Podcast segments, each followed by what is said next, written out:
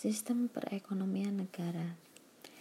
E, sistem ekonomi itu adalah suatu aturan dan tata cara untuk mengordinasikan perilaku masyarakat, konsumen, produsen, pemerintah, dan sebagainya dalam menjalankan kegiatan ekonomi untuk mencapai suatu tujuan. Macam-macam sistem ekonomi yang pertama sistem ekonomi liberal, disebut sistem ekonomi pasar bebas atau sistem ekonomi laissez-faire. Sistem ekonomi liberal adalah sistem perekonomian yang memberikan kebebasan sepenuhnya dalam segala bidang perekonomian kepada masing-masing individu untuk memperoleh keuntungan yang sebesar-besarnya. Adam Smith dalam bukunya yang berjudul The Wealth of Nations 1776 juga menunjukkan bahwa kebebasan berusaha didorong oleh kepentingan ekonomi pribadi merupakan pendorong kuat menuju kemakmuran bangsa. Nah, ciri-ciri sistem ekonomi liberal yang pertama setiap orang bebas memiliki alat-alat produksi. Yang kedua adanya kebebasan berusaha dan bersaing. Yang ketiga campur tangan pemerintah dibatasi. Yang keempat, para produsen bebas menentukan apa dan beberapa berapa yang akan diproduksikan. Yang kelima, harga-harga dibentuk di pasar bebas. Yang keenam, kegiatan ekonomi didorong oleh prinsip laba. Kemudian kelebihan dari sistem ekonomi liberal yang pertama setiap individu diberi kebebasan memiliki sumber daya produksi. Yang kedua, individu bebas memilih lapangan pekerjaan dan bidang usaha sendiri. Yang ketiga, adanya persaingan menyebabkan kreativitas dari setiap individu dapat berkembang. Yang keempat, produksi barang dan jasa didasarkan pada kebutuhan masyarakat. Kekurangannya adalah muncul kesenjangan yang besar antara yang kaya dan miskin, mengakibatkan munculnya monopoli dalam masyarakat.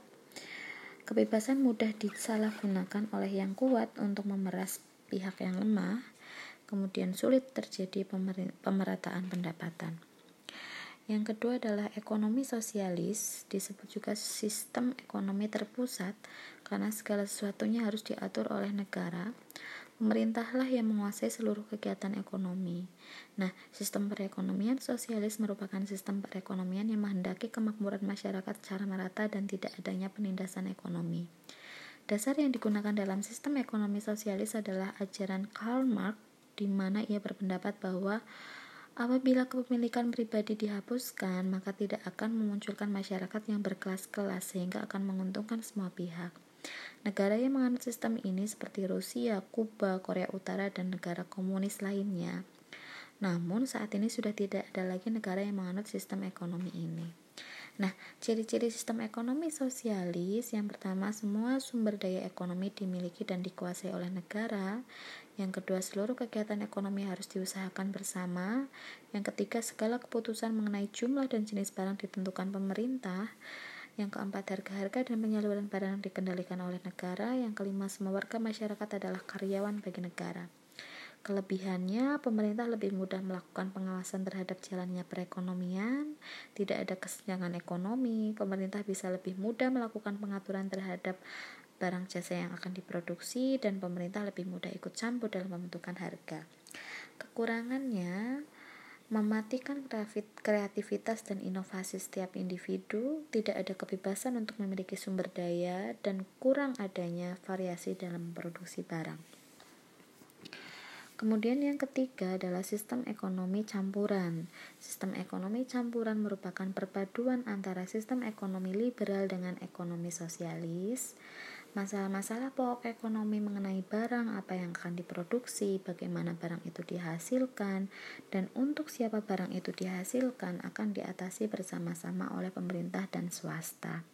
Ciri-ciri sistem ekonomi campuran yang pertama, sumber-sumber daya yang vital dikuasai oleh pemerintah, swasta diberi kebebasan di bidang-bidang ekonomi dalam batas kebijaksanaan ekonomi yang ditetapkan pemerintah. Yang ketiga, hak milik swasta atas alat produksi diakui asalkan penggunaannya tidak merugikan kepentingan umum. Yang keempat, pemerintah bertanggung jawab atas jaminan sosial dan pemerataan pendapatan. Yang kelima, jenis dan jumlah barang yang diproduksi, diproduksi ditentukan oleh mekanisme pasar. Nah, Terus sistem ekonomi di Indonesia itu sistem yang gimana? Nah, pada awalnya Indonesia menganut sistem ekonomi liberal nih, di mana seluruh kegiatan ekonomi diserahkan kepada masyarakat.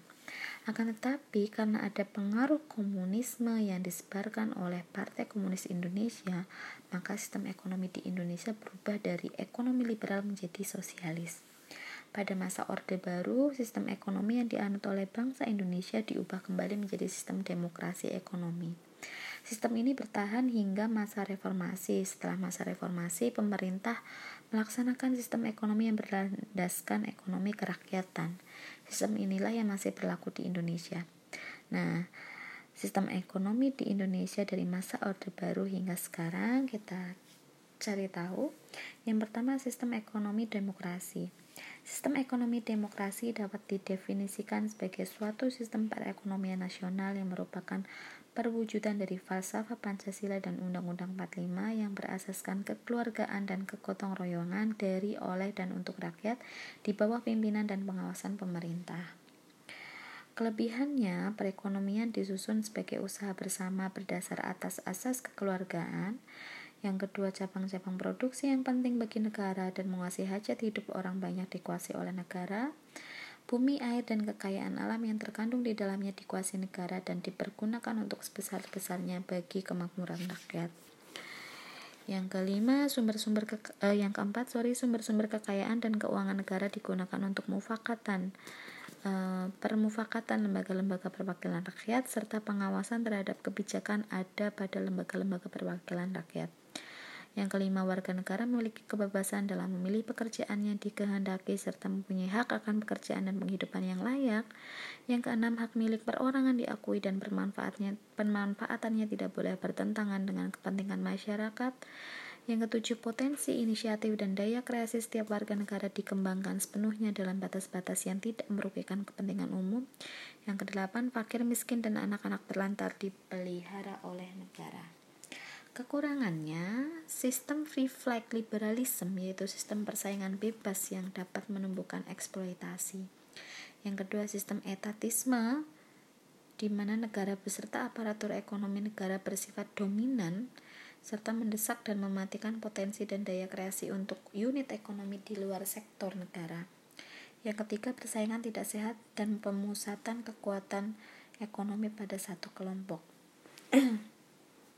Ini adalah sistem demokrasi ekonomi. Kemudian yang kedua sistem ekonomi kerakyatan. Nah, sistem ekonomi kerakyatan berlaku di Indonesia sejak terjadinya reformasi di Indonesia pada tahun 1998. Pemerintah bertekad melaksanakan sistem ekonomi kerakyatan dengan mengeluarkan ketetapan MPR nomor 4 MPR 1999 tentang garis-garis besar haluan negara yang menyatakan bahwa sistem perekonomian Indonesia adalah sistem ekonomi kerakyatan. Pada sistem ekonomi kerakyatan, masyarakat memegang aktif dalam kegiatan ekonomi, sedangkan pemerintah menciptakan iklim yang sehat bagi pertumbuhan dan perkembangan dunia usaha. Ciri-ciri ekonomi kerakyatan bertumpu pada mekanisme pasar yang berkeadilan dengan prinsip persaingan yang sehat, yang kedua, memperhatikan pertumbuhan ekonomi, nilai keadilan, kepentingan sosial, dan kualitas hidup.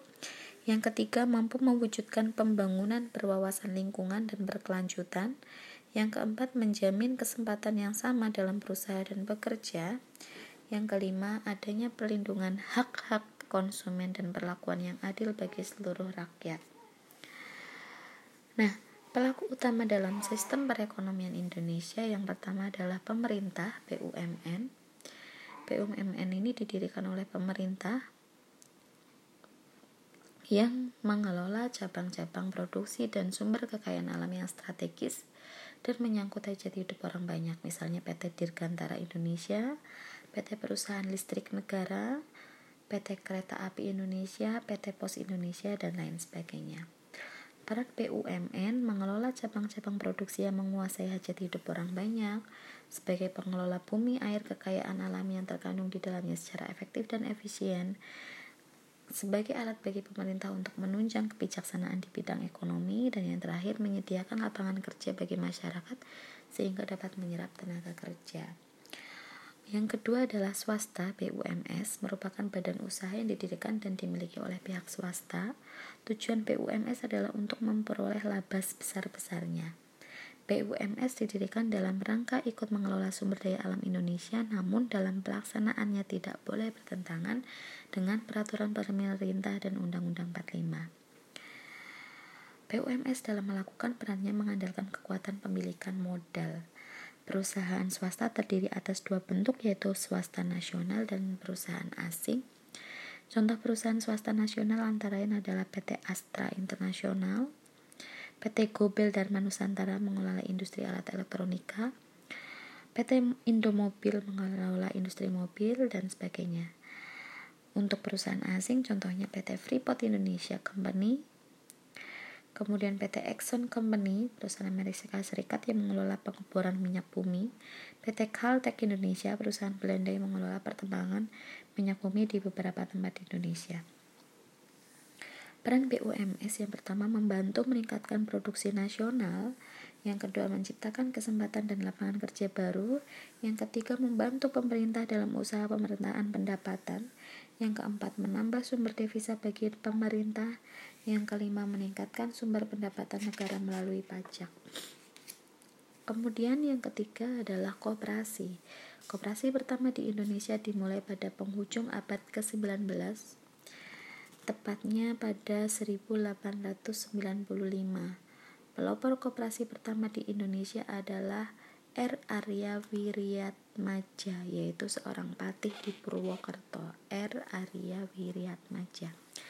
Keberadaan koperasi di Indonesia berdasarkan pada pasal 33 Undang-Undang 1945 dan Undang-Undang Nomor 25 Tahun 1992. Pada penjelasan Undang-Undang 1945 Pasal 33 Ayat 1, koperasi berkedudukan sebagai sokok guru perekonomian nasional dan menjadi bagian tidak terpisahkan dalam sistem perekonomian nasional. Terus kita bahas tentang inflasi. Inflasi adalah suatu peristiwa dalam perekonomian ketika harga barang-barang naik secara terus-menerus atau berulang-ulang. Jenis-jenis inflasi dilihat dari beberapa hal yang menyebabkan inflasi dibagi menjadi dua. Eh, dibagi menjadi tiga, sorry. Inflasi dorongan biaya atau cost plus inflation. Inflasi dorongan biaya terjadi karena kenaikan biaya produksi Kenaikan biaya produksi dapat berupa kenaikan harga bahan baku, bahan bakar, atau kenaikan upah. Kenaikan biaya produksi akan memaksa perusahaan mengurangi penawarannya. Penawaran agregat pun berkurang dan tingkat harga umum naik. Kemudian inflasi tarikan permintaan atau demand pull inflation. Inflasi tekanan permintaan bersumber dari permintaan masyarakat terhadap barang yang terlalu kuat. Kemudian inflasi campuran mixed inflation pada umumnya inflasi yang terjadi di berbagai negara adalah campuran antara inflasi tekanan permintaan dan inflasi dorongan biaya. Kemudian untuk mengatasi laju inflasi dapat dilakukan melalui yang pertama kebijakan moneter adalah kebijakan untuk menambah moneter ekspansif atau mengurangi jumlah uang beredar. Moneter kontraktif yang meliputi politik diskonto, politik pasar terbuka, dan menaikkan kas rasio. Kemudian yang kedua, kebijakan fiskal merupakan kebijakan mengubah penerimaan dan pengeluaran negara untuk mengarahkan kondisi perekonomian yang lebih baik meliputi mengurangi pengeluaran negara, menaikkan dan mengefektifkan pajak, penekanan pengeluaran pemerintahan, mengadakan pinjaman pemerintahan.